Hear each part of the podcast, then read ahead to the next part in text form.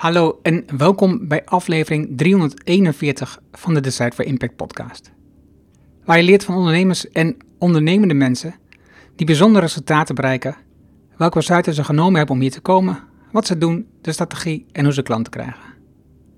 Mijn naam is Erno Hanning en ik deel mijn opgedane kennis, ervaringen en expertise met jou. Ik coach ondernemers zodat ze besluiten nemen om in impact te groeien. Vandaag het gesprek met Aukje Nota. Aukje is psycholoog, spreker en schrijver. Haar jongste boek is Nooit meer doen alsof. Aan de Universiteit Leiden is ze hoogleraar organisatiepsychologie, een bijzondere leerstoel mogelijk gemaakt door het opleidingsinstituut CIO. Tot 2022 was ze partner van Factor 5 Organisatieontwikkeling, werkte bij TNO en Randstad en was vier jaar lang kroonlid van de SCR. Aukje legt uit wat schaamte doet in je bedrijf. Zo hebben we het over besluiten die worden uitgesteld, innovatie die vertraging oploopt en om mensen heen werken. Ze vertelt over de drie stappen die je helpen om de schaamte om te zetten in een kracht. En ze sluit af met analyse dat we van een prestatiemaatschappij naar een samenleving moeten groeien, voor meer verbinding. Laten we beginnen.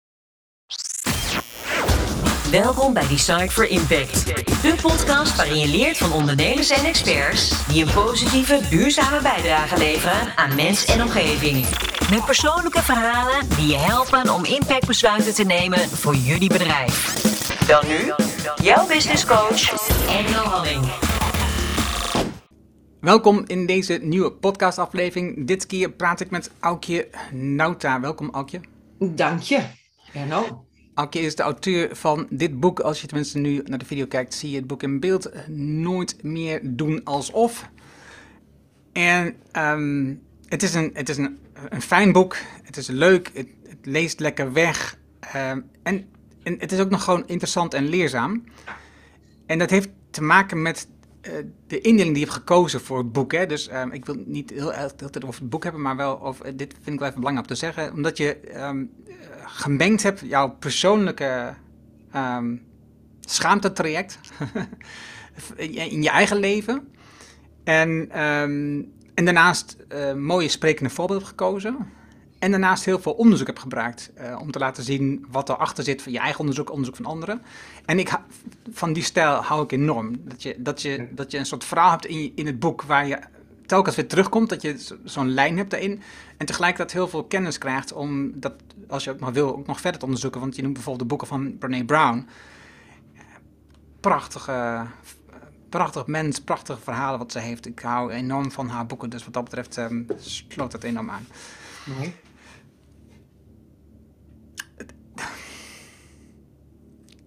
Ik ga eh, even een grote vraag als eerste stellen. Ehm, hoe, kom je om, hoe kom je ertoe om een boek te schrijven over schaamte? Ja, dat komt omdat ik eh, heel erg geïnteresseerd ben in eh, gesprekken tussen mensen. Wat mensen tegen elkaar zeggen en vaak ook wat ze niet tegen elkaar zeggen. Eh, ik heb heel lang onderzoek gedaan en advies gegeven over het, nou, een sleetse term duurzame inzetbaarheid. Hè, terwijl het wel heel erg belangrijk is. En dat gaat over de vraag van hoe kunnen mensen nu en straks lekker blijven werken? Hoe kunnen ze blijven leren, vitaal zijn, et cetera.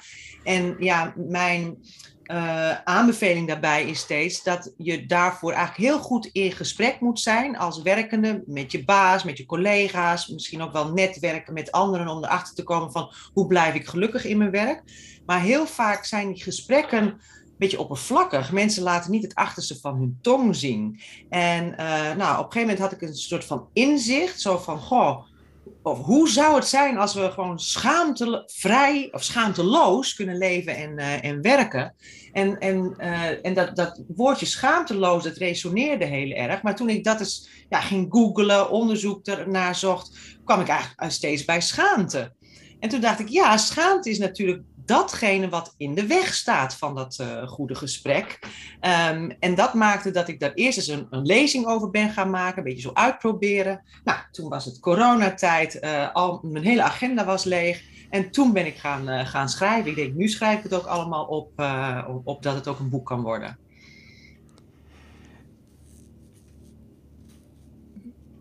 Maar het is toch wel bijzonder natuurlijk dat je in eerste instantie de link legt tussen de, de oppervlakkige gesprekken Ja, en dat mensen eigenlijk schaamteloos het gesprek in zouden moeten gaan.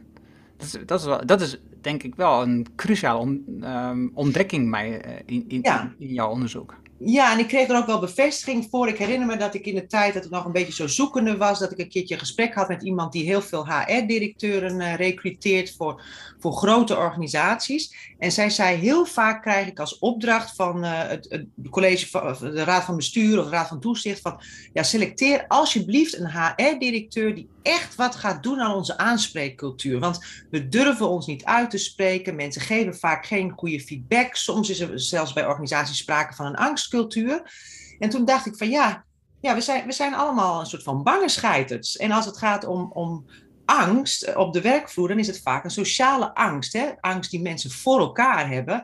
Ja, en een sociale angst is schaamte.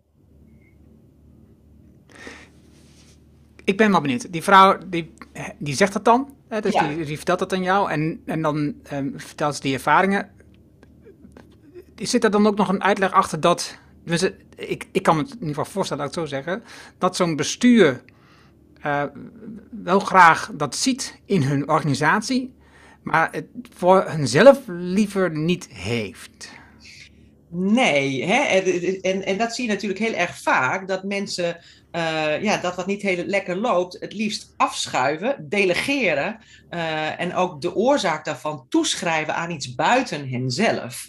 Hè? En, en dat is natuurlijk toch ook wel vaak de rol die een HR-directeur krijgt. Hè? Een soort van, ja, los jij alle zaken rondom mensen even op, dan kunnen wij gewoon lekker ondernemen. Um, en maar zo werkt het natuurlijk eigenlijk niet. Hè? Dus een, een, een goede HR-directeur die, die moet dan ook eigenlijk meteen weer de bal terugspelen. Hè? En, en het eerste wat zo iemand moet doen, als die ook geworven wordt met van goh, doe iets aan onze uh, gebrek aan aanspreekcultuur, is een hijsessie organiseren met de directie. Uh, om eens eventjes hen hun eigen schaamte in te laten duiken. En ja, allemaal te vertellen wat ze op hun hart hebben. Ja, opdat zeg maar zo'n uh, bestuur ook het goede voorbeeld kan geven voor de rest van de organisatie. Ja, samen met Tom van Lubbe heb ik een, een boekencast. Elke twee weken bespreken we een boek. En daarin um, hebben we al een paar keer gezien dat, dat uh, vooral Nederlandse boeken, uh, nou wel, ook Amerikaanse boeken, als ze daarover praten, over dingen die moeten worden veranderd in hun bedrijf, dat dat begint bij het management. Dat zij het goede voorbeeld moeten geven. Dat daar ligt de kern en dat, en dat denk ik dus ook. Maar ik heb het precies hetzelfde gevoel als eh, van die dame, van die HR-medewerkers die die moet zoeken. Dat, dat die. En ik herinner me namelijk de andere quote die je opschreef uh, rondom Brené Brown. Die werd vaak toen bij die presentaties gevraagd naar die TED-talk van haar. En dan, uh, ze wilde super graag dat ze daarover vertelde, maar ze moest het stuk over schaamte en dat andere gedoe allemaal uh, niet zoveel. Dat, dat, dat, ja. dat, dat, is onhandig, dat past niet zo bij ons. Klopt. En, en dus eigenlijk, dus, des te meer de reden om het gesprek aan te gaan, want kan blijken is dat dus het probleem. Ja, ja, ja. En, en ik ervaar dat zelf ook. Hè. Ik heb onlangs ook uh, nou, een webinar en workshops uh, mogen geven voor een technisch bedrijf. Heel veel mannen. Ja, en dan merk ik zelf ook haast dat, uh, want dat ging ook echt over de vraag van hoe kunnen we openhartiger gesprekken krijgen op de werkvloer, ook over duurzame inzetbaarheid. En, uh, ja, en, dan, en dan merk ik zelf ook bij mezelf soms een, een, een gêne over dat ik de hele tijd over schaamte praat, omdat ik eigenlijk ergens wel voel, zo van daar willen die mannen het eigenlijk helemaal niet over hebben. Uh, en terwijl op cruciale momenten het wel heel erg belangrijk is. Stel je hebt iemand die functioneert niet helemaal lekker. Nou, dan vinden we het vaak makkelijker om iemand maar een beetje te laten zitten waar die zit en eromheen te werken. Dan om rechtstreeks in iemands gezicht te zeggen van, goh, zoals jij functioneert, dat gaat zo niet goed. Hè, zullen we daar eens eventjes wat afspraken over maken? En dat zou je ook kunnen duiden als van, goh, we zijn bang voor conflict. Um, maar ja, ik vind het woord schaamte juist wel wel, nou ja, dat is misschien een, een, een groot woord, een eng woord, maar juist door dat woord te benoemen en, en door er hopelijk een beetje een vrolijke, positieve connotatie aan te geven, ehm, ja, hoop ik dat het wel bespreekbaar wordt. En dus ik heb om die reden, je hebt het boek net ook al laten zien, het is een vrolijk boek met confetti en paars en dat heb ik met opzet, uh, nou, in samenspraak met de uitgever zo besloten. Uh, omdat ja, als we schaamte als iets vrolijks zien, als we het als humor kunnen betitelen, als we ook de blunders en de struikelpartijen bespreekbaar durven maken, dan komen we in mijn overtuiging een stap verder met z'n allen. Want ja, als we het net doen alsof we allemaal perfect zijn, dan leren we helemaal niet. Maar als we eerlijk durven toegeven, dit kan ik niet, dit weet ik niet en hier heb ik hulp bij nodig, ja, dan zijn we natuurlijk met z'n allen vormen veel meer een leercultuur dan uh, wanneer we keeping up appearances doen de hele tijd. Ik had um, vanochtend, en dit is de vorige aflevering dus van een week geleden, een gesprek met uh, Joris Jansen van um, Lucie. En ik had het dus over het stukje aanspreekcultuur, omdat een van de kernwaarden van hun bedrijf, ik zal even oplezen, die staat hier natuurlijk nog gewoon. Uh, even kijken hoor. Identify the gaps in your organization. En, oh nee, dat is niet de goede. Wacht even. Uh, Waar ben je? De ware, hier staat hij. Courage for integrity. We dare to be open and honest with each other and keep an open heart across the organization. Oftewel, dus we zijn eerlijk, we durven eerlijk te zijn um, naar elkaar toe. Um, en ik vroeg hem ook, en ik refereerde aan je boek, en ik vroeg hem ook, en hoe zie jij dat? Hoe, hoe organiseer je dat dan? Uh, nou, een van de dingen die je noemde, jij noemde dat dat je, dat je de dingen laat zien die misgaan. Zij organiseren één per maand um, een fuck-up night, waar ze dus ja. de fuck-ups delen van het bedrijf. En daar zegt hij, dus, hij zei dat ook weer, dat wij als founders of als seniors um, onze fuck-ups als eerste laten zien en aankaarten. Want dan geef je het goede voorbeeld naar die mensen toe. Dus ik kan ja. ik, ik kan het me wel goed voorstellen, ja. Ja, en dit gebeurt meer en meer. Hè? Ik uh, las vorige week nog een interview met uh, um, Tini Boer, uh, nou, in ieder geval de nieuwe CEO van CNA. En die werkt er feitelijk ook al mee. Hè? Die hebben een Failure Friday. En, uh, en ze werken ook gewoon met mindfulness. Ze beginnen hun vergaderingen ook met gewoon eventjes, eventjes stil zijn. Eventjes gewoon stilstaan bij wat er allemaal aan sensaties door je eigen lijf en hoofd uh, gaan. En uh, ja, dat is eigenlijk ook een, ook een mooie manier om reflectief te zijn. En, want, en dat draagt weer bij aan het sneller herkennen dat zo'n emotie als schaamte soms ook een rol kan spelen. Het, verwijst, het vereist een soort van zelfbewustzijn, een bewustzijn van, van hoe je bent en hoe je graag wilt zijn, om ook uh, de emotie die schaamte heet ook echt toe te laten in plaats van hem weg te drukken. Ja, want daar, daar, dat is de kern ook die je beschrijft in je boek, is dat je dus, het, het, het gaat over van hoe je bent en hoe je wilt zijn. Dat verschil, ja. Die erkenning, dat je, daar, dat, dat, dat je niet bent wie je eigenlijk wilt zijn en daar, en daar schaam je je voor. Ja, klopt. klopt. En dat is natuurlijk ingewikkeld, hè, want soms kun je, of eigenlijk kun je ook helemaal nooit zijn wie je, wie je, wie je wilt zijn. Want mijn, mijn ideale zelf is gewoon perfect. Hè, die uh, slaapt acht uur per nacht, die staat op zodra de wekker gaat. Uh, die, doet, die vinkt zijn hele takenlijstje af, terwijl in werkelijkheid ben ik soms ook hartstikke lui. En, en, uh, en dus zal ik ook gewoon moeten accepteren uh, ja, dat ik imperfect ben. En, en wat voor mij een ongelooflijk belangrijk inzicht is geweest in het uh, onderzoek wat ik deed voor mijn boek. Ja, dat had ik in een, in een gesprek met Wilco van Dijk. Hij is ook echt, nou ja, mijn collega, maar ja, hoogleraar op het gebied van emoties, doet er al veel langer onderzoek naar dan ik. En hij zei, gewoon, het, uh, emoties zijn zelden uh, bipolair. Hè? Dus het wil zeggen, het is niet zo dat uh, schaamte het tegenovergestelde is van trots. Nee, het zijn eigenlijk twee dimensies. Hè? Gewoon, je moet het zo voorstellen, of zo, kun je? Twee assen. Hè? Je kunt zowel laag als of hoog scoren op schaamte en tegelijkertijd op trots. En um, en, en je kunt eigenlijk al, al trots zijn, überhaupt dat je er bent. Hè? Dat je een mens van vlees en bloed bent, uh, dat uh, lief he heeft en dat lief ge gehad wordt door anderen. Hè, dat, dat is al een reden om trots te zijn. En als je, als je dat beseft, dan lukt het ook veel makkelijker om je schaamte toe te laten. En, en ik zeg dan ook vaak van het is orthogonaal. Orthogonaal is een ander woord voor loodrecht. Hè? Gewoon het zijn twee dimensies die loodrecht op elkaar staan, die niets met elkaar te maken hebben. En dat is zo'n bevrijding. Want heel vaak denken we dat als we ons schamen, dat, we, dat alles is slecht aan ons. Maar als je beseft van ik schaam me ergens voor, maar het is genoeg om trots op te zijn, um, ja, dan wordt het veel makkelijker om je schaamte te delen.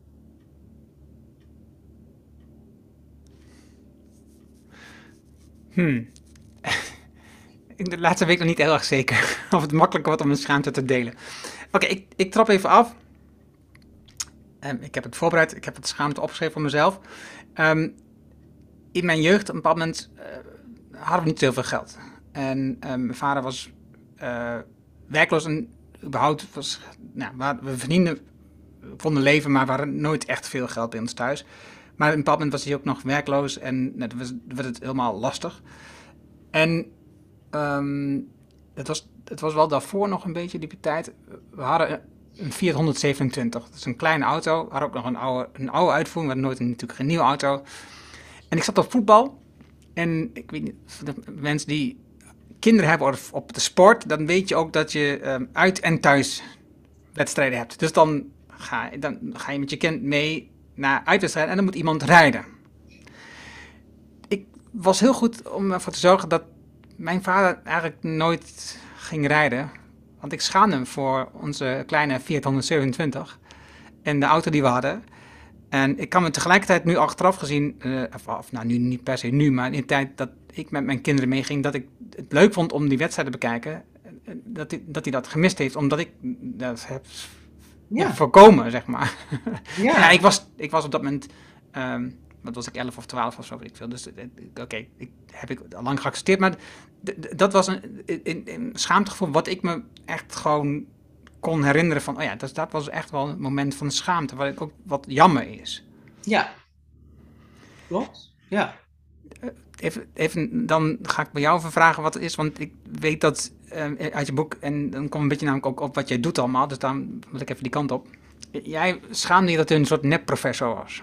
Ja, ja, was, ben. oh, sorry. Maar je schaam je nog steeds? Ja, ja.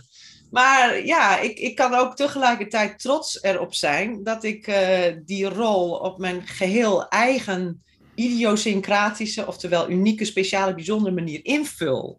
Um, hè, en uh, want ja, gewoon een echte hoogleraar die publiceert in wetenschappelijke tijdschriften, die reist de wereld over, die gaat naar wetenschappelijke congressen, die begeleidt promovendi. Dat doe ik allemaal niet. ik, ik heb het allemaal wel gedaan. Um, maar uh, ja, ik heb al heel snel de beslissing gemaakt zo van, goh, ik wil onderzoek doen dat relevant is voor de praktijk. Daarom heb ik een tijdje bij TNO gewerkt, hè, want dan doe je dat rechtstreeks. Nou ja, toen ik bij TNO werkte, uh, heb ik wel heel vaak mijn onderzoek ook ja, zodanig opgezet dat ik een wetenschappelijke collega zocht die het dan opschreef, zodat ik bleef uh, publiceren. Uh, maar nu, ja, zo langzamerhand, hè, ik nader de 55 en ik heb zoiets van, goh, ik wil gewoon dingen doen die ik leuk vind en die ik goed kan. En cut the crap en de rest hoef ik allemaal niet. Maar dat, maar dat betekent dat je toch afwijkt van de norm van wat een goede hoogleraar is. Want een goede hoogleraar heeft een H-index van rond de 100. Hè? Dus dat betekent dat je artikelen, dat is een index voor hoe vaak je artikelen worden geciteerd. Um, hè? En, en ja, die, die vraagt grote beurzen aan. Dat, dat doe ik dus uh, allemaal niet. Maar goed, ik breng wel wetenschappelijke kennis in hapklare brokken naar de praktijk, waarmee ik hoop dat mensen een beetje gelukkiger en energieker uh, uh, leven. Dus ik kan tegelijkertijd ook trots zijn op de rol die ik wel vervul. Ja, maar het, het, zet me wel aan het nadenken van, goh, wil ik dan eigenlijk wel uh, professor blijven? Of, of, moet ik eigenlijk gewoon als oudje nauta verder, als zolang ik maar een bibliotheek, bibliotheekabonnement mag houden, zodat ik wel de wetenschappelijke literatuur mag blijven lezen, ben ik eigenlijk al lang blij. En, en ik vind het heel bevrijdend om dat te mogen zeggen. Hè? En uh, als ik dat alleen maar zou denken, um, ja, dan zou ik me heel erg um, nou ja, beperkt en geremd en belemmerd en verlegen voelen.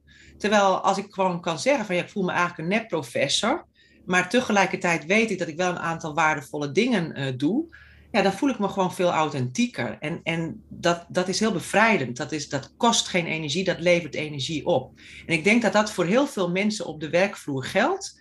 juist als je op de werkvloer niet jezelf kunt zijn, dan, en dat blijkt ook echt uit onderzoek, hè, dat kost heel veel emotionele arbeid uh, om ja, gewoon steeds maar uh, te, te doen alsof. Hè. Uh, en daar raak je uitgeput van. Terwijl als je gewoon kan zeggen van dit kan ik wel en dit kan ik niet, ja, dat levert zoveel energie op. Is de Universiteit van Leiden blij met jou als professor? Ik geloof het wel. ja, ja, nee, ik, ik bedoel, in, in het laatste functioneringsgesprek, is alweer bijna een jaar geleden, uh, hebben we ook geconstateerd zo van, oh, goh, ja, al die criteria die uh, hier staan, ja, daar voldoe je niet aan, hè, maar je doet wel een hele hoop andere dingen wel. Nou, weet je wat, zullen we dan die criteria eens eventjes anders opschrijven? Nou, dat is natuurlijk eigenlijk ook al een hele opluchting, want dan pas ik weer bij mijn uh, profiel. Precies. Ja. Want ja, die norm van hoe een professor zou moeten werken. Dat is natuurlijk ook maar iets wat we met elkaar bepaald hebben. Dat klopt, ja. En er zijn natuurlijk heel veel verhalen die we met elkaar bepalen. Hè? En dat creëert veiligheid en structuur en duidelijke normen en waarden. Maar ja, het is heel erg belangrijk om uh, ja, alles wat je met elkaar afgesproken hebt, continu ook weer ter discussie te stellen. Doen we nog wel het goede? En daar kan schaamte juist een goede wegwijzer bij zijn. Als je merkt van, goh, ja, wat ik doe, dat stemt niet meer overeen. Of nou ja, bijvoorbeeld, je bent een ondernemer en je maakt uh, keihoge winsten, maar je gaat daar tegelijkertijd ook het milieu een beetje mee vervuilen. Of je buit je mensen uit door ze gewoon structureel onder te betalen. Ja, um, en dan is het dan, en, maar je vraagt juist die ondernemers om eens eventjes na te denken van, goh, is het eigenlijk oké wat je doet? Of, of, of zou er iets van schaamte een rol kunnen spelen? En als dat zo is, ja, dan kan het een mooie wegwijzer zijn om het bedrijf uh, om te turnen. Ik weet wat dat betreft, een, wees iemand me ook op een mooi voorbeeld hè, van een familiebedrijf, dat is een landbouwbedrijf, die hadden jarenlang koeien gehouden. Nou, de nieuwe generatie die had echt zoiets van, jeetje, dat, daarmee uh, werpen we eigenlijk veel te veel stikstof uh, in, in de natuur. wij willen bijdragen aan een goed klimaat. En ja, die zijn toen opgehouden met veeteelt. En die verbouwen nu uh, pompoenen en paprika's uh, en, en voelen zich daar veel beter bij. Nou, stel je nou eens voor dat alle ondernemers op die manier uh, hun, hun schaamte gebruiken. Ja, dan hebben we binnen de kortste keer een hele mooie wereld. Nee, en, mooi dat je dit voorbeeld geeft. Ik heb twee vergelijkbare voorbeelden. de ene is de podcast die ik net heb opgenomen drie weken terug of zo, met Ruud Sanders van Kipster. Hij komt uit een gezin waar eh, kippenboerderijen de norm was. En waar ook zeg maar, het opschalen van die kippenboerderijen ook de norm was in, in maatschappij en zo. Hè. Dat was, uh, we moesten grote, we moesten efficiënt, allemaal dat soort dingen. Dat was zoals het ging. En hij komt tot het inzicht dat, um, en mede door een faillissement, um, dat, dat dit het niet is. Dat dit niet de juiste weg is voor de wereld. Ja. Nu heeft hij nog steeds een kippenbedrijf, maar vanuit een hele andere filosofie. Omdat hij zegt, wacht even, we hebben gewoon afval uh, als mens, voedingsafval. En dat kunnen we gewoon gebruiken. En die kippen is daar een handig middel in. Toevallig hebben we daar ook eieren van. Maar het is, eigenlijk is die kip een machine die het afval gewoon goed verwerkt. Dat is waar het op neerkomt. En dat is zo'n gaaf inzicht. Nou, en het andere voorbeeld, uh, ik ben naar de première geweest van um, Beyond Zero. Dat is uh, van uh, de oprichter van Interface. Um, Interface is een bedrijf wat van die tapijttegels maakt. Uh, een beetje heuga-achtige, weet je wel, dat, dat soort dingen. En een Amerikaans bedrijf. En hij kwam tot het inzicht in 75, denk ik of zo, ergens, of 78, ergens in, in, die, omge in die omgeving. Dat, en, en zo heeft hij het ook later gezegd. Dat, hij zei, ik heb het gevoel als we zo doorgaan, dat ondernemers als ik op een in de gevangenis uitkomen omdat we, omdat we de wereld aan het vernietigen zijn. En, dit, en dat wil ik veranderen. En het hele bedrijf begreep dat gewoon in eerste instantie totaal niet. Nee. Nee. Aandeelhouders begrepen het niet, niemand begreep. Maar hij had dus wel zijn eigen, en als ik dan jouw uh, terminologie mag gebruiken, zijn eigen schaamte overworven, overwonnen. Om te zeggen: nee, ik schaam hiervoor dat, dat we dit aan het doen zijn, dat, dat ik dit aan het doen ben met mijn bedrijf en ik wil dit veranderen. Ja, en dit is heel mooi wat je zegt, want, want ja, vaak zijn normen zo sterk dat we eigenlijk niet eens doorhebben hoe idioot het is wat we met z'n allen doen. dus eh, pas nu schamen we ons voor de politionele acties in, in Indonesië, terwijl in die tijd ja, waren de omstandigheden misschien zodanig uh, ja, dat we dat normaal vonden. Pas nu om, uh, schamen we ons heel erg voor ons slavernijverleden. Terwijl het vroeger misschien wel, wel trots, je trots was op het feit dat je überhaupt uh, slaven in je, in, je, in je bezit had. Hè? Dat, is natuurlijk bizar dat we toen konden denken dat je eigenaar was van andere mensen. Hè? En, en daarom heb ik bijvoorbeeld in mijn boek ook de vraag gesteld: zo van, ja, stel je nou, denk je nou eens in, hè, we zijn, het is 2121, uh, en, hè, dus we zijn 100 jaar verder. Ja, waar zouden we ons tegen die tijd dan voor schamen? En dat is een hele mooie denkoefening om stil te staan bij: is het eigenlijk nog wel normaal wat we doen? Nou, ik geef bijvoorbeeld ook uh, een, uh, het verhaal van, van Dan Price. Hè? Dat is iemand die had rijkdomschaamte, een Amerikaanse ondernemer. Die is toen gaan lezen van wat is nou eigenlijk een, een salaris. Hè? Want hij, hij, hij schaamde zich vooral toen hij geconfronteerd wordt met de, werd met de armoede van zijn vriendin. Die een 200 dollar huurverhoging voor haar kiezen kreeg. En die dat eigenlijk niet kon betalen terwijl ze al twee banen had. En hij ja, was op zijn dertigste al miljonair. Nou, toen is hij gaan nadenken, gaan lezen. Hij uh, las uh, van de Nobelprijswinnaar Kahneman ja, dat mensen op zijn gelukkigst zijn als ze zo'n 70 à 75.000 dollar per jaar uh, verdienen. En ja, toen heeft hij besloten van, weet je wat, ik geef gewoon iedereen 70.000 dollar jaarsalaris. Dat betekende voor sommige mensen een verdubbeling van hun salaris. Dat betaalde hij door zelf ook terug te gaan naar 70.000 salaris. En, um, uh, nou ja, en dat heeft het bedrijf geen windeieren gelegd. Maar ook de werknemers, die gingen opeens allemaal baby's maken. Iets wat ze daarvoor niet durfden, omdat ze niet genoeg geld uh, hadden. Maar hij vertelt ook dat hij enorm veel weerstand ontving in de media. Zo van, wat is dit nu voor rare communist hier in, in, in Amerika? En als ze dit op de MBA's gaan doseren, nou ja, wordt meteen duidelijk dat, het, dat dit natuurlijk gewoon bizar is en nooit gaat werken. En dus... Uh, en, en dat geeft ook aan, normen, wij, hebben met z'n allen bouwen vaak hele sterke groepen, uh, waarin we vaak niet eens meer betwijfelen uh, of iets eigenlijk wel normaal is. En mijn boek is eigenlijk ook wel een pleidooi van doe dat dus wel. En, en denk bij schaamte niet alleen maar van, uh, oh, ik zit zelf fout. Uh, maar denk soms ook van, goh, het is, het is de omgeving die mij een norm oplegt die niet oké okay is. Dus ik moet een emancipatiebeweging starten om te zorgen dat deze organisatie wat uh, beter in elkaar gaat zitten. Sorry hoor. Ik zit te denken, wat hoor ik voor geluid? Dit knip ik er straks uit. Niet vergeten. Ja, ik hoor het ook, ja. Het is, uh, het is de regen die tegen de ramen klettert. Het is de stom. Ik dacht, ik, heb ik een apparaat aanstaan? Dus nu de storm komt nou dus hier. Oh, oké. Okay. Ja. En dat Dan Price verhaal, dat, dat, ik had het gelezen, maar ik kende het ook al. En ik, ik volg hem ook al langer. En ik heb al een artikel ook over geschreven. En de beelden gedeeld ook, vooral hoe ze hem in het begin verketterden.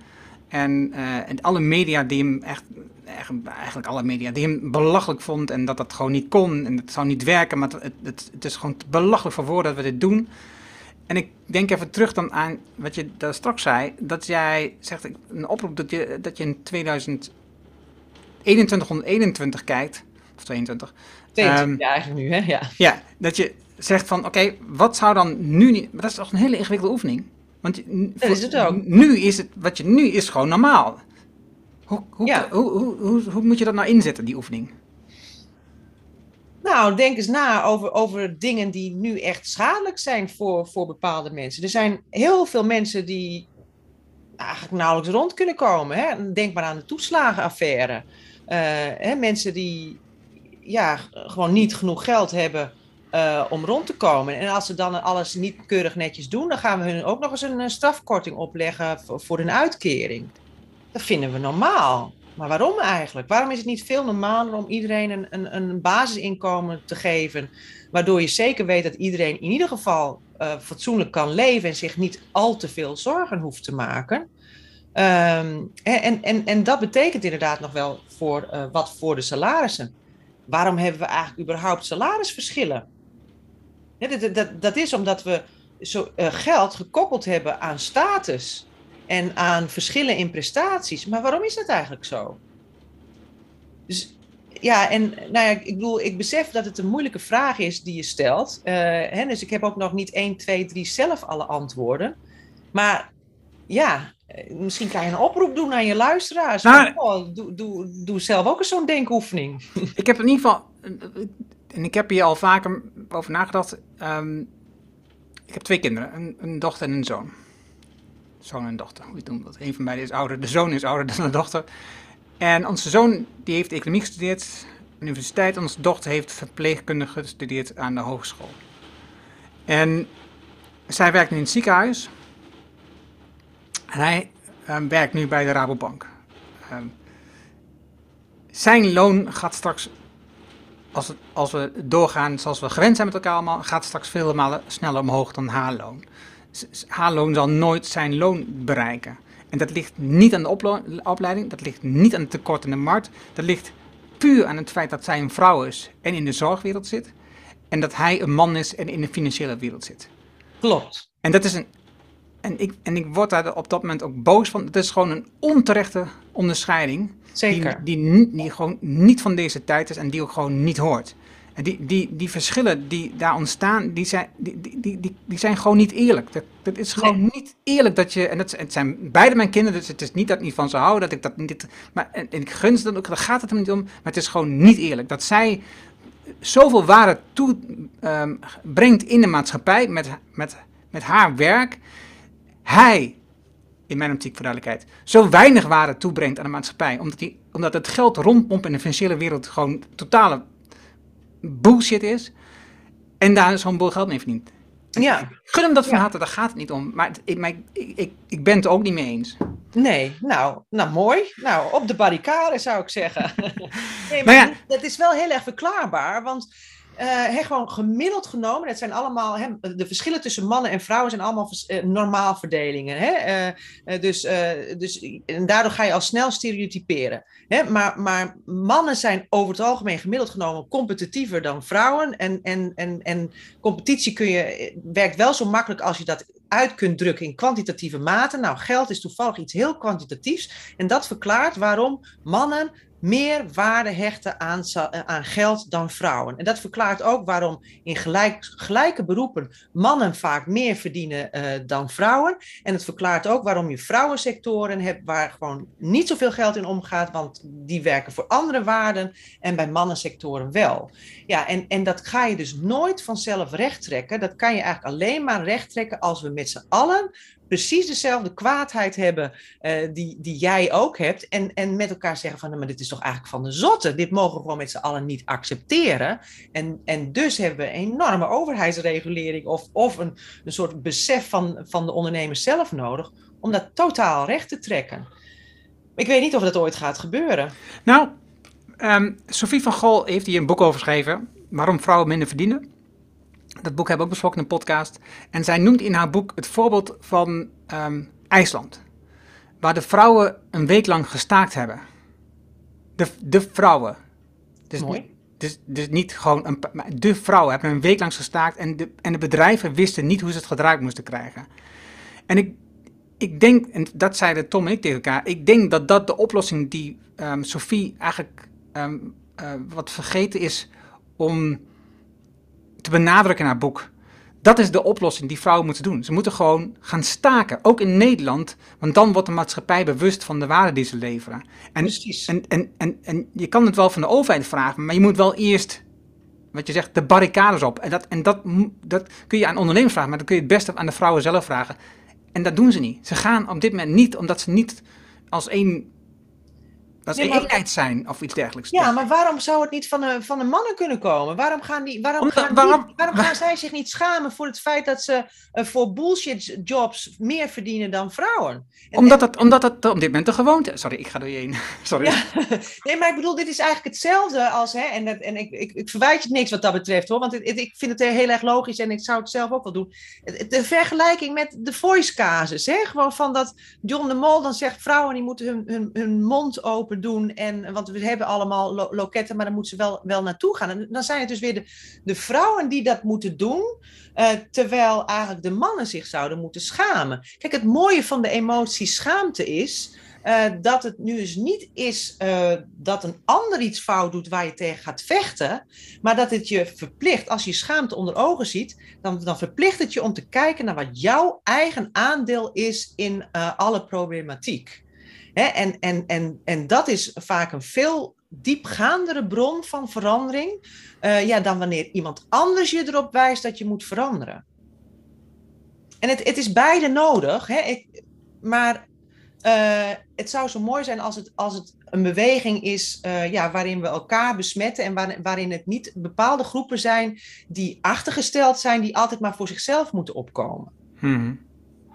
Nou ja, ik heb ervoor gekozen dat, mijn, dat ik de rest van mijn leven besteed aan het terugdringen van sociale en ecologische ongelijkheid. En zo'n onderwerp als een oneerlijke, um, het oneerlijke verdienmodel wat we hebben op dit moment, dat past daar perfect om. Ik kan, niet, ik kan niet zeggen dat dat mijn hoofdonderwerp is, maar ik kan er wel elke keer aandacht aan besteden. Zoals, zoals mensen als Sofie van Gol in de podcast halen en met haar dit soort dingen bespreken. En zoals mezelf druk maken over mijn eigen kinderen. Of um, onderwerpen, artikelen schrijven over dit onderwerp om dat te delen, zodat mensen er ook over gaan nadenken. Dat is wat ik, waar, ik, goed in ben en dat is wat ik kan doen. Dat is ook wat ik, wat ik, wat ik doe. Ik kan me tegelijkertijd wel voorstellen... Um, en jij roept het op, maar dan nog is het ingewikkeld. Uh, pak, wat we net over hadden, pak die zeven vinkjes van uh, uh, Joris Luijendijk. Dat het, dat het heel lang duurt voordat deze mannen, die witte mannen, hoogopgeleid, hoogopgeleide ouders, al die elementen, die zeven vinkjes die jij noemt, dat die zich zo gaan schamen dat ze zich gaan veranderen.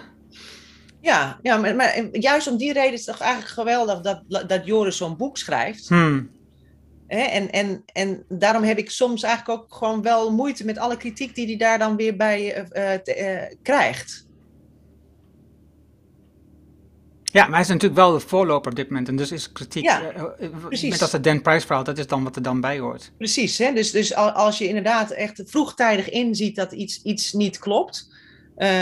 vanuit een, een rol van, nou ja, gewoon in, inzicht in, in jezelf... Ja, dat is ongelooflijk, dan krijg je het heel zwaar over je heen. Ja, en ik snap ook wel dat het intelligenter is, niet of het juiste woord is hoor, maar dat, het, dat, je, dat je het bij jezelf zoekt. En vanuit de schaamte is een goed uitgangspunt, denk ik nu. Dan dat je de schuld bij een ander neerlegt. En ook dus daarmee de oplossing bij een ander zoekt. Precies, hè? en dat is wat, wat een hele menselijke neiging is. Ook weer gemiddeld genomen zie je dat meer bij mannen dan bij vrouwen. Hè? Als je faalt, dan zijn mannen meer geneigd om dat aan externe zaken toe te schrijven dan interne. En bij vrouwen is het, is het andersom. En als het gaat om succes, dan schrijven mannen dat vaak aan zichzelf toe en niet aan de omgeving. En bij vrouwen is het vaak ook weer andersom. en, en, en nou ja, dat verklaart waarschijnlijk ook waarom vrouwen zich meer schamen dan mannen, want dat blijkt ook uit onderzoek. En, uh, ja, en, en daarom ja, pleit ik ook, hè, want juist het ontkennen van de schaamte, het overschreeuwen, anderen de schuld daarvan geven, uh, ja, is, is de meer masculine manier van omgaan met schaamte. Terwijl ja, het zou zo mooi zijn als ook, ook mannen het, lef hebben om in hun schaamte te duiken, want dan ja, uh, is de kans groter dat, dat er ja, veranderingen de goede kant op gaan. Wauw. Leerzaam. Dank je.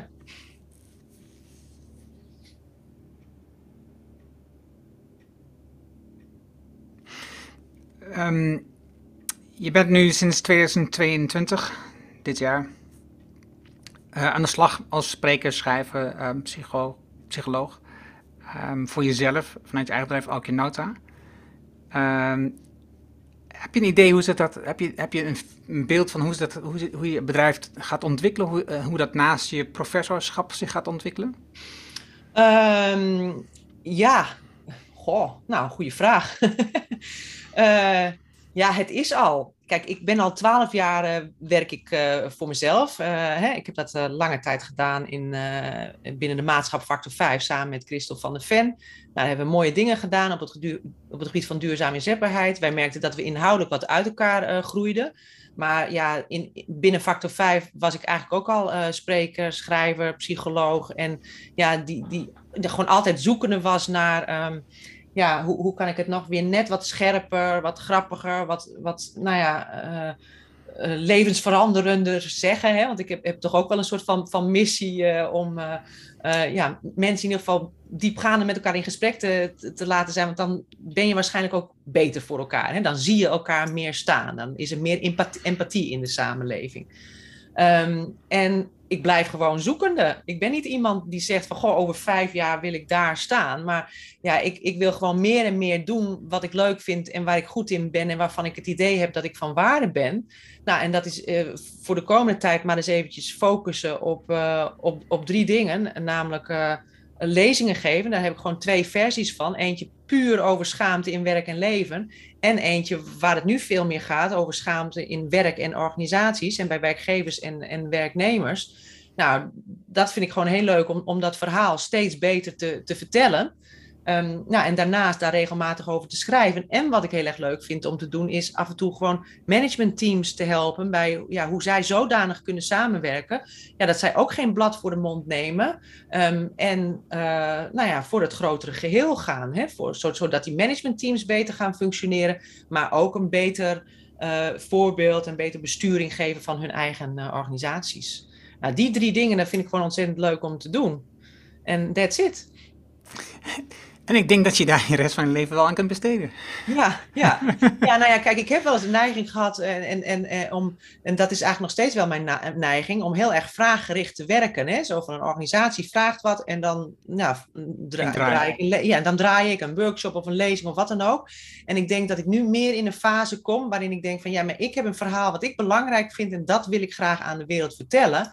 En uh, ja, deal with it. Dus misschien is dat eigenlijk in, wel mijn vorm van, ja, van schaamte mijn krachtbron maken. Hè. Daar waar ik misschien vroeger altijd dacht, wat heb ik eigenlijk uh, te vertellen? Ja, durf ik me nu meer uh, uit te spreken. En, en, ik weet zeker dat dit je veel gaat opleveren. Omdat het is altijd fijn om te draaien wat de klant vraagt. Want dan hoef je niet zoveel na te denken erover. Dan kun je gewoon iets maken. Het is ingewikkelder om je eigen statement te formuleren. Maar het, het, gaat veel dieper. Het heeft veel meer effect als je uh, vanuit je eigen statement werkt. Dus dat is, uh, dus dat is heel fijn dat je dat doet. Hmm. Um,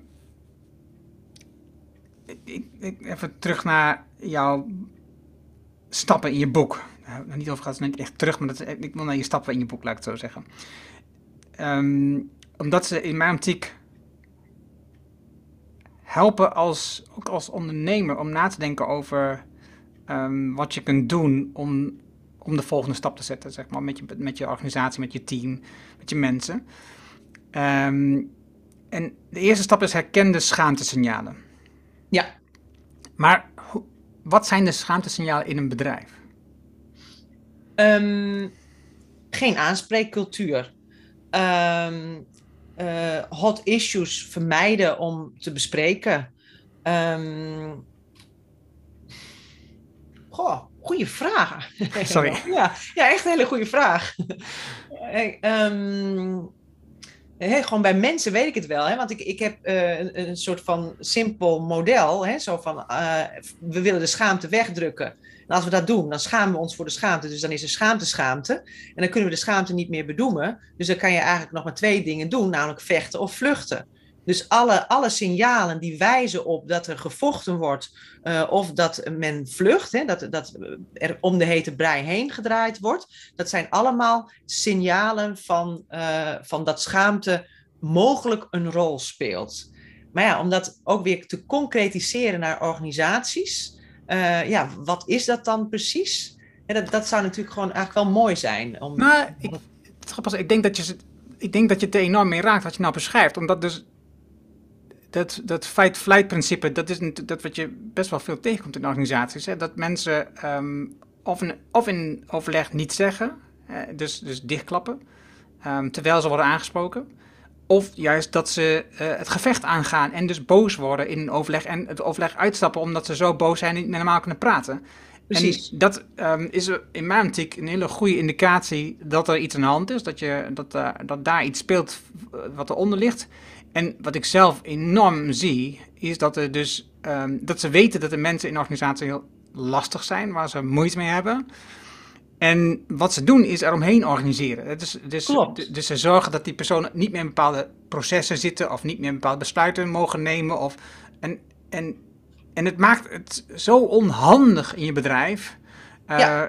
die persoon voelt zich uh, buiten geplaatst, die, die is niet betrokken iedereen zit weer van, ja shit, moeten we wat bedenken om, om, om daar omheen te gaan? En moeten we nou weer bedenken? En het is nog steeds niet opgelost, het probleem. Want ja, nog steeds heeft hij op dat vlak nog steeds invloed. Of, vertraagt hij het proces? Ja, ja, dus we hebben heel veel bypasses en mensen die ook op bypass eh, posities worden geplaatst. Maar ik moet nu ook echt denken aan twee heel verschillende voorbeelden die ik dan zelf wel, wel tegenkom. Ik heb vroeger, heel vroeger heb ik onderzoek gedaan naar uh, uh, gedoe, afstemming tussen productie en verkoop. Hè? Dat is in, in, vooral in productiebedrijven altijd een, altijd een probleem. Want ja, verkoop wil zoveel mogelijk verschillende dingen kopen aan de, uh, verkopen aan de klant.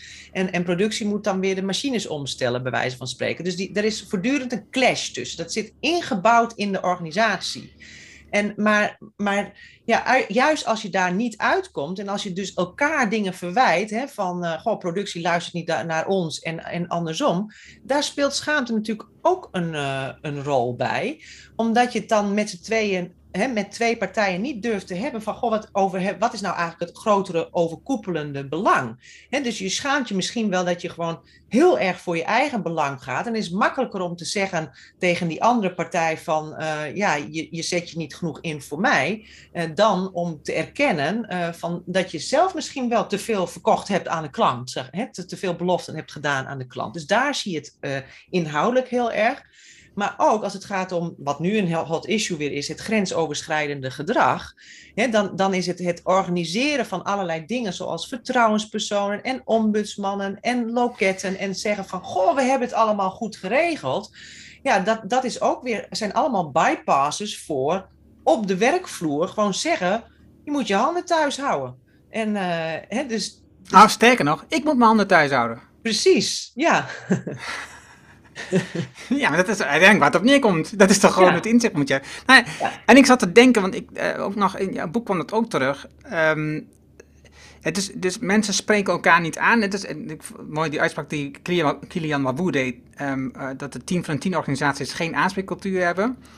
En het, het grappige was dus dat, of het bijzonder wat ik daar zag, was dat jij dus het over had dat dus mensen durven elkaar niet aan te spreken omdat ze het gevoel hebben van wie ben ik nou dat ik die persoon kan aanspreken. Wie, hoeveel verstand van zaken heb ik nu eigenlijk? Of hoeveel ervaring heb ik nu eigenlijk dat ik die persoon... En dus is het een schaamte eigenlijk voor um, wie je denkt dat je zou moeten zijn... opdat je iemand mag aanspreken. Eigenlijk wat ik in het voorgesprek even vertelde over het gesprek wat ik hiervoor met Joris had. Van wie ben ik nou dat ik met hem in gesprek kan gaan? Ja, ja. Dat is waar het op neerkomt. Ja, klopt. Hè? Je denkt eerst dat je gewoon eigenlijk alles moet weten voordat je zeker. Hè, je moet kennelijk zeker weten of, of je wel gelegitimeerd bent uh, ja, om iemand de les te lezen. Hè? Maar ja, je, je mag wel vaker afgaan. Je kunt ook aan aannames toetsen. Hè? Dus, dus een heel, veel, heel veel zit ook in onze sociale vaardigheden uh, om met onze schaamte zodanig te dealen uh, dat het makkelijker wordt om dat te delen. En in, in plaats van iemand onmiddellijk te beschuldigen of, om plaats, of, of in plaats van te denken van ja, wie ben ik nou om hem aan te spreken, kun je ook aannames toetsen. Zo van, ik weet het niet zeker, want ik heb er geen verstand van, maar als jij dit en dit doet, dan heb ik de aanname dat je zus en zo wilt. En, en, en door dat op die manier te toetsen, um, ja, ben je niet meteen een agressor, maar uh, kun je veel eerder echt een diepgaand gesprek hebben dan wanneer je je mond houdt of uh, meteen gewoon een grote broek aantrekt. Ja, ik, zit, ik zit te denken aan. Ik, ik, ik zoek het ook heel vaak bij mezelf, dit soort dingetjes. Dus als ik, als ik um, een oneenigheid met mijn vrouw heb, wat ik, wat ik zie bij mezelf, het gedrag, en, en ik, volgens mij is het, is het heel gebruikelijk in relaties, is dat je op een bepaald moment een verwachting hebt over hoe de ander reageert op wat je gaat vertellen. Dat daar dus al al problemen ontstaan terwijl er nog niets aan de hand is. En dat je dan al boos wordt op de reactie van de ander die nog niet eens heeft plaatsgevonden. En dus dat je dat voorziet. Ja. En, um, en het is, en ik, ik, ik vind, ik, ik, ik denk dat ik er beter in word. Maar ik vind het nog steeds gewoon heel erg ingewikkeld. Omdat je die eerste emotie, die boosheid, dat is wat, wat, wat als eerste optreedt. Dat je, oké, okay, we gaan weer die kant op. Oké, het gebeurt weer. En dan word je boos. Terwijl eh, de boosheid um, verstopt eigenlijk het kanaal om gewoon te communiceren. Ja, klopt, klopt. En wat ik net vertelde, komt ook eigenlijk uit de wereld van de relatietherapie, hoor. Dus ik kan jou, jou en je vrouw ook heel erg aanraden om hè, op het moment dat je boosheid uh, komen omdat iemand een afspraak niet nakomt, hè, dat, dat, dat je dan ook zegt zo van, goh, ja, als jij continu te laat komt, dan heb ik het idee dat jij mij eigenlijk helemaal niet belangrijk vindt. Klopt dat? Nou, en dan kan diegene zeggen ja of nee. En dan hoop je natuurlijk dat hij ja zegt. Maar als hij nee zegt, ja, dan heb je een, an, dan heb je, dan heb je ander gesprek. gewoon boven tafel. dan heb je een ander gesprek, ja. Oké. Oké, dus dan, stap 2 is erkende schaamte. Um, hebben we het daar al over gehad? Of? Moet je, nou. Ja, ja het is, het, kijk, uh, ik heb die, die vijf stappen heel erg gekoppeld. Hè. Uh, je, je, de, de, korte klap is drie stappen, maar gewoon in, in mijn boek, in zijn uitgebreide vorm, heb ik het over die schaamte-ui. Hè, die loopt van uh, flight, fight, hè, dat is de buitenste ring, naar schaamte, schaamte, naar schaamte, naar wat erachter zit, namelijk een verlangen. En in de kern zit natuurlijk eigenlijk verbinding. Hè? Want angst is, schaamte is vaak angst voor afwijzing. Dus wat er dan eigenlijk onder ligt, hè, de, de, de mooie, rijke kant van schaamte is verlangen naar verbinding. Nou, en, en wil je daar komen, dan moet je dus die schaamte-ui afpellen. En die buitenste laag is dus fight-flight. En dat moet je herkennen, dat dat te maken kan hebben met schaamte. Nou, als je daarop ja zegt, dan moet je dus erkennen dat je je schaamt, want dan pel je de laag van schaamte, schaamte af. Hè? Dan is de schaamte, schaamte weg. Dan moet je vervolgens de schaamte, waarbij, waar je dan terechtkomt, moet je beschrijven. Wat is nou eigenlijk de kloof tussen wie ik ben en wie ik graag wil zijn? Nou, en als je dat beschreven hebt, zo van, uh, goh ja, ik wil graag een, uh, een, een topauteur worden in, uh, in het, nou ja, welk, weet ik veel, welk blad. Nou, dan moet je dus gaan denken van, goh, ja, wat is dan eigenlijk, dat, dat is dus kennelijk mijn verlangen. Hè? Dus, dus uh, en dan moet je dat beschrijven. Van, gewoon, ik wil graag topauteur worden. Nou ja, en met wie wil ik me dan verbinden? Ja, met mijn publiek. En ik wil ook graag dat mijn moeder trots op, op me is. En, en dat ik aan kan komen bij mijn vrienden met een mooie verhalen. En dat is eigenlijk in, in het kort de, hoe je de schaamte uit kunt afpellen. Op zoek naar met wie of wat je je eigenlijk wilt verbinden. Oké, okay. en, en ik vind het een het klinkt fantastisch. En, dat is niet um, sarcastisch beeld of zo. Ik meen het serieus. Nee. En, en, um, want dat verlangen, dat snap ik helemaal. Hè? Dus, dus dat verlangen om je met mensen te verbinden, dat is, dat is zoals mensen in elkaar zitten. Dat is wat we willen. We willen gewoon bij de groep horen, we willen met mensen ja. verbinden. Dat, dat, maakt ons gelukkig. Geld maakt niet gelukkig, maar de verbinding met mensen maakt wel gelukkig. Dus dat is, te weinig geld maakt ook ongelukkig, maar als je dan veel geld, je hebt geen verbinding met andere mensen, dan ben je nog steeds heel ongelukkig. Dus dat is niet wat werkt. Dus verbinding met mensen is enorm belangrijk. En jij zegt onderzoek met wie je wilt verbinden. Oké, maar dan um, terug naar het bedrijf. En dus, dus hoe zou ik dat vertalen naar. Um... Je kan het ook vertalen naar purpose. je kan je ook verbinden met een missie. Hmm. En, die, en die missie die heeft, als het goed is, hè, als je echt wilt verbinden, dan, dan, dan is een purpose dus nooit van ik wil uh, zoveel mogelijk uh, uh, aandeelhouderswaarde creëren. En die purpose die heeft toch eigenlijk altijd te maken met ja, een product of dienst wat je in de wereld wilt zetten. En, en idealiter dus ook van ja, wat je wil bijdragen aan de hele samenleving en, en hoe je voor je klanten en, en je eigen medewerkers eigenlijk het beste wil. Hmm, zo had ik niet gezien. Dat is helder. Oké. Want dat is precies wat, waar, waar het om draait, waar ik mee bezig ben. Um, in de samenwerking met Pieter van Os. Waarbij je dus kijkt naar, oké, wat is de purpose die we hebben als bedrijf? En daar ook uh, over communiceert en duidelijk maakt, omdat dat mensen aantrekt.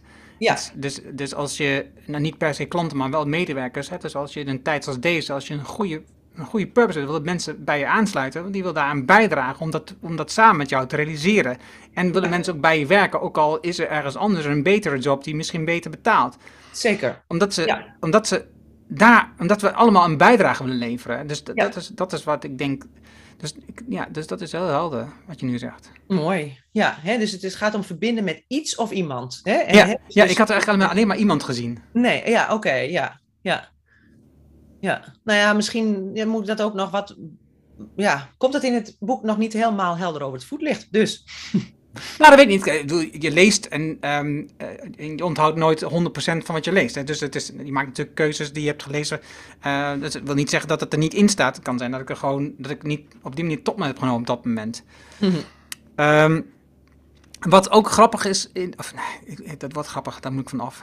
Wat ook bijzonder is, dat is namelijk wat ik bedoel, is die matrix die beschrijft. Um, van uh, ikzelf veranderen of de omgeving veranderen. Ja. Kan ik die nog snel vinden? Of heb ik dat opgeschreven? Nee, heb ik niet opgeschreven, denk ik. Nee. Ja. Um, um, wat transformatie. Dat, voor mij is dat, is dat de meest mooie, zou ik zeggen. Maar ja, dat is vast niet zo. ja. Ik zoek die. Ja, hier staat hij. Nee, dat is schaamtevrij, schaamteloos. Hè? Ja, ik, ik weet hem nog uit mijn hoofd hoor. Oké, doe maar. Doe jij maar. Nou ja, kijk. Uh, als je dan je uh, schaamte hebt erkend uh, hè, en je denkt van, hm, ik wil actie. Hè, dus, en dan ja, kan het zijn dat er ofwel helemaal geen. Het kan zijn dat je niks te veranderen hebt aan jezelf of aan je omgeving, omdat je niks kan veranderen. En een voorbeeld daarvan is: je hebt de ziekte van Parkinson. Uh, en die gaat nooit weer over. Dan kan je eigenlijk niks anders dan accepteren dat je die ziekte hebt. Hè, en dat, je, dat, dat dat dus betekent dat je in het openbaar gewoon, zoals Rob de Nijs, ja, met een trillende microfoon staat uh, te, te, zingen. Hè, en dat heeft hij lange tijd verborgen gehouden. Maar op het moment dat hij dat deelde met zijn publiek, merkte hij dat, dat dat al eigenlijk een betere verbinding gaf met zijn publiek. Die begreep hem beter. Uh, en, en nou ja, als je dus in het vakje 0-0 zit, niks aan jezelf veranderen, niks aan de omgeving veranderen, dan zit je in het vakje acceptatie. Acceptatie dat je bent zoals je bent.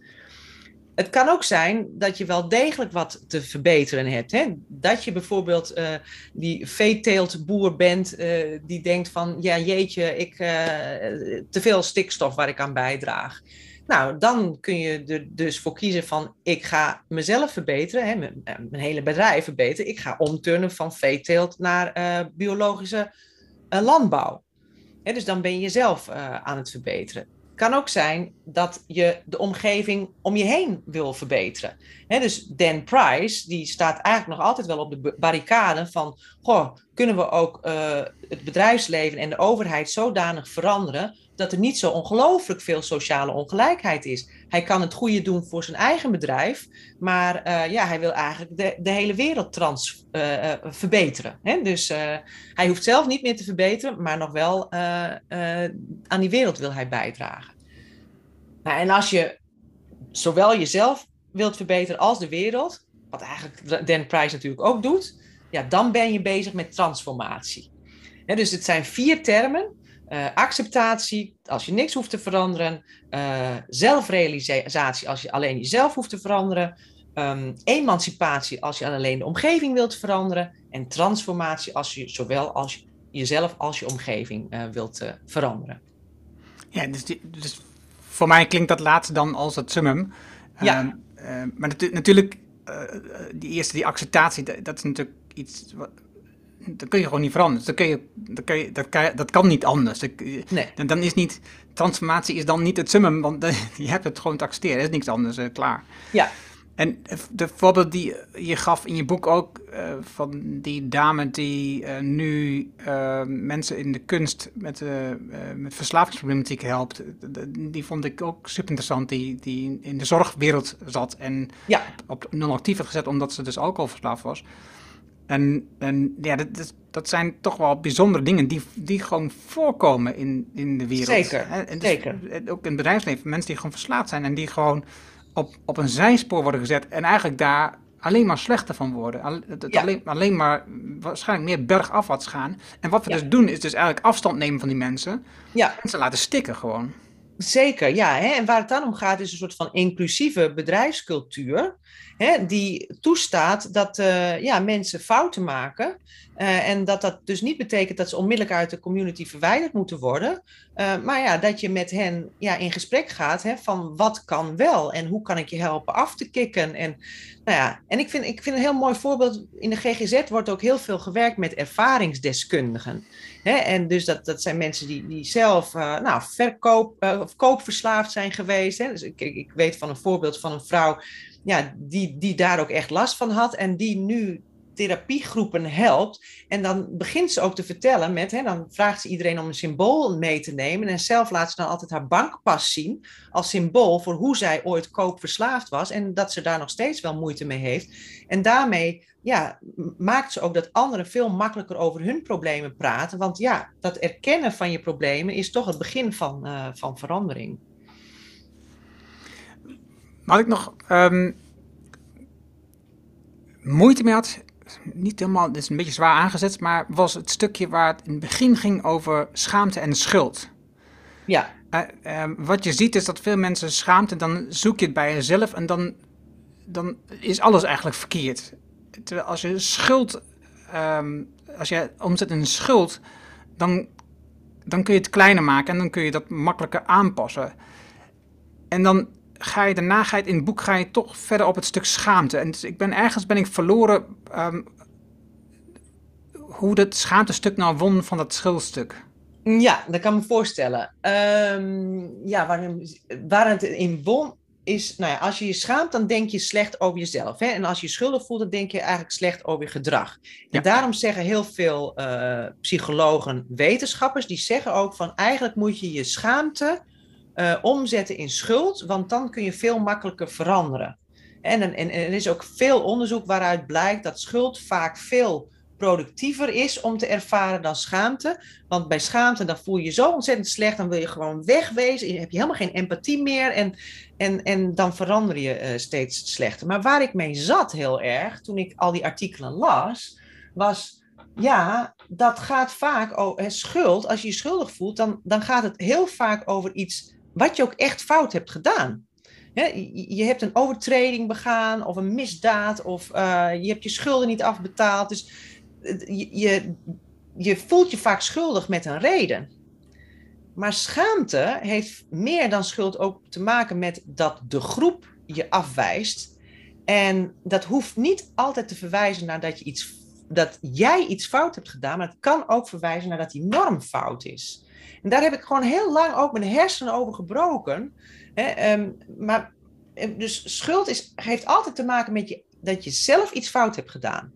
Maar schaamte kan ook te maken hebben met dat juist anderen iets, uh, ja, norm jou opleggen die niet terecht is. En, en, en dat heeft me ertoe gebracht om toch vooral op schaamte door te beduren. En er is er nog een reden. Juist omdat schaamte zoveel dieper gaat over je, je, je hele wezen, is als je daarin duikt, dan is er vaak sprake van een diepgaande verandering dan wanneer je eigenlijk alleen maar je gedrag bijstelt. En dus de schuld verwijst misschien ook wel naar, naar lichtere zaken dan, dan schaamte. Hmm. Oké, ik heb een aparte vraag. Waarom schamen we ons voor ouderen? Waarom we ons schamen voor ouderen? Dat is een aanname die je daar doet. Klopt. maar als ik kijk naar, daar hou ik me bezig, dus dat is waar ik me druk over maak. Um, vergelijk West met, de Oosterse um, cultuur in de Oosterse cultuur is mens op zijn top tussen zijn 70 en zijn 80ste. Heeft hij zoveel geleerd, dat kan hij zoveel delen. Dat is een waardevol persoon. Hier is iemand vanaf zijn 67ste, nu op dit moment, en dat zal later misschien veranderen, maar van 67 gaat hij met pensioen. Moet hij uit de werkmaatschappij worden verwijderd, want ze zijn te oud. Sterker nog, als mensen een bepaalde leeftijd hebben bereikt, laten we even zeggen dat het 50 is, ik weet niet precies wat dit moment norm is, dan is het al heel ingewikkeld om nog een nieuwe baan te vinden, want mensen vinden je eigenlijk altijd te oud. Ook al is er een krapte op de arbeidsmarkt. Ja. Ouders um, stoppen we weg, nu misschien wat minder, en dat is hard aangezet voor duidelijkheid, in verzorgingstehuizen, ouderhuizen, wat dan ook. Um, zodat we dat niet hoeven te zien. Het is hetzelfde waarom wij um, slachterijen op een instituut stoppen, uh, want we willen dat niet zien wat de werkelijkheid is. we schamen ons voor de werkelijkheid. Dus of de aanname correct is, weet ik niet zeker. Maar we doen dingen waarvan ik zeg, we schamen ons voor ouderen. Ja, nou, dit is inderdaad misschien wel een heel mooi voorbeeld van iets waar, waarvan we over honderd jaar zeggen van jeetje, dat we dat toen deden. En ik kan hier alleen maar over speculeren, hè? want ja, ik ben een eenvoudig psycholoog, ik ben geen socioloog, eenvoudig. geen antropoloog. maar ik, ik, denk dat het ermee te maken heeft met dat wij in een prestatiemaatschappij uh, leven. Hè? En, en daarvoor geldt dat op een gegeven moment, hoe dan ook, um, ja, ga je in bepaalde prestaties die belangrijk zijn voor economisch succes, ga je achteruit. voor, en voor de een is, uh, voor, voor, voor, voor, sommig werk is dat al eerder dan voor anderen. Ik heb bijvoorbeeld Robert Dijkgraaf wel eens horen zeggen dat hij zijn beste creatieve, wiskundige, uh, natuurkundige gedachten op zijn zestiende had. Want je, je, je brein, wat je nodig hebt voor, voor, voor beta-achtige processen, gaat sneller achteruit dan je brein voor nou ja, bestuurlijke zaken. Hè? Omdat je daar juist eh, heel veel dingen met elkaar moet, uh, moet verbinden. Um, maar hoe dan ook, prestaties vinden we in deze samenleving verschrikkelijk belangrijk. En, um, ja, en juist omdat we veronderstellen dat heel veel prestaties met de leeftijd achteruit gaan, gaan we mensen dan excluderen. En, en dat is eigenlijk not fair. Ehm, maar dat is eigenlijk alleen maar om te turnen als we van een prestatiemaatschappij weer toegaan naar een echte samenleving. Hè, dat, dat we beseffen dat het in een, uh, op de, de planeet Aarde niet gaat om presteren, maar om samen met elkaar te zijn. Dat is het doel. dat zou het doel moeten zijn. Hè? Om zo prettig mogelijk het leven met elkaar door te brengen. En als dat zo is, ja, dan omarmen we natuurlijk onze ouderen. Want ja, die zijn er ook. En, en die zijn verschrikkelijk waardevol als het gaat om uh, ja, liefdevol met elkaar vertoeven. Ik, uh, we moeten nu stoppen. Dit was het hoogtepunt. Dit was gewoon het hoogtepunt. Oh ja? nee, het, ik, het grappige is, als je kijkt naar het onderzoek van de Blue Zones in de wereld, dan zie je dat als ouderen, uh, die, die, die ouderen die dus gemiddeld van meer dan 100 worden dan op andere gebieden in de wereld, dat, dat dus het samen zijn in de verschillende generaties, in hun gezin, dat ze meeleven in verschillende generaties, dat, is een, dat heeft een positieve effect op je gemoedstoestand, op, je, ja. op dat je ouder wordt als ouder. Maar het heeft ook een positief effect op die kinderen. He, dus dus het, het, aan alle kanten is dat heel erg fijn voor, voor de, de samenleving, zoals je net uh, beschreef. En um, het is natuurlijk gewoon super interessant te denken vanuit die prestatiemaatschappij op het moment dat je er middenin zit en er profijt uithaalt. Maar je weet ook dat je ouder wordt. Dus op een bepaald moment val je zelf ook buiten de boot. Ja, ja. En het erge is ook, schaamte neemt met de leeftijd weer toe, hè? Dat is toch erg? Vanaf je vijftigste, hè, gewoon om, om, omdat je dan beseft, ik kan niet meer mee, neem, nemen schaamtegevoelens toe. En, en juist dan, dat zouden we als krachtbron moeten benutten voor het feit dat dat gewoon niet oké is. Jij hebt een fantastisch schone taak voor je. Dank je. Ja, ja, het is echt, het is me super duidelijk geworden um, in dit gesprek dat er, dat, dat, er, dat er een enorme taak voor je ligt om schaamte en met name ook wat je zegt bij, bij, bij mensen van onze leeftijd en daarboven, um, dat, dat, dat dat belangrijk is om te veranderen. Want wij zijn degene die nog steeds meedraaien in die prestatiemaatschappij. En we zijn ook degene die kunnen, ervoor kunnen zorgen door vanuit onze schaamte sterk te worden om naar die samenleving te komen. Ja, ja, ja. Dus daar hebben we een rol in uh, te vervullen. Ja. Ik vond het super interessant om dit gesprek met je te voeren. Dankjewel, ik, ik, ik ook. Ik vond het een gaaf boek. Dat was al makkelijk omdat, om daarmee. En ik kan het weer aanbevelen aan mensen. Dat heb ik al gedaan nu met, met verschillende mensen. Dat ik dacht: oh ja, dus hier speelt schaamte een rol. Dus lees dit boek. Leuk. Ja, mooi. Maar um, dat met jou nog een keer door te nemen. En ook nog op een aantal vlakken zeg maar, over bedrijven erover na te denken. Dan denk ik dat het was echt een, een, mooie aanvulling. En dat laatste, dat sloeg echt alles. Dat was echt wat ik niet had verwacht. Het was echt zo, zo gaaf om daar op die manier over na te denken. En um, van een prestatiemaatschappij naar een samenleving. Uh, het, het, het, samen met elkaar zijn. Nou, ja, nou. Wonderschoon. Leuk, dankjewel. Ook getriggerd door jouw mooie vragen hoor. En jouw overpijnzingen. Dus uh, jij ook uh, heel erg bedankt. Super. Dat was het mooie gesprek met Aukje. Je vindt de namen en links die we noemden in het artikel dat bij deze uitzending hoort. Ga daarvoor naar de site voor impact.com slash show 341. Wil je vanzelf automatisch de volgende afleveringen van deze podcast op je telefoon ontvangen? Dat kan heel eenvoudig. Heb je een iPhone, dan zit er standaard Apple Podcast op. Open die app, zoek de site voor Impact Podcast op en klik op abonneer. Heb je een Android-telefoon, installeer dan eerst bijvoorbeeld de Player FM app, zoek daar de voor Impact Podcast op en klik op abonneer. Dankjewel alvast. Heb je vragen, opmerkingen, reactie over deze aflevering met Aukje of over de podcast in het algemeen? Stuur dan een e-mail naar podcast.thesiteforimpact.com. Ik hoor super graag van jou. Wil je leren hoe je ieder kwartaal 195 belangrijkste acties realiseert? Wil je 7 tips hoe je uit de waan van de dag komt en de lange termijndoelen nu realiseert? Vraag dan het boek Impact Beslissingen voor een leider aan op de site voor Impact. Dit is mijn nieuwste boek en je downloadt hem daarom gratis. Je hebt zelfs geen e-mailadres nodig. Er is ook een Kindle en EPUB versie. Wil je de papieren versie van het boek? Dat kan ook. Je betaalt dan alleen de verzendkosten. Mijn nieuwste boek is gratis. Vraag het daarom nu aan. Vraag jouw boek nu aan op de site impact.com. En ik weet, je hebt een volle agenda, je leest het in één avond tijd. Dankjewel voor het luisteren en graag tot de volgende. Dankjewel voor het luisteren naar deze aflevering van de Decide for Impact podcast. Ga voor jouw volgende stap naar decideforimpact.com.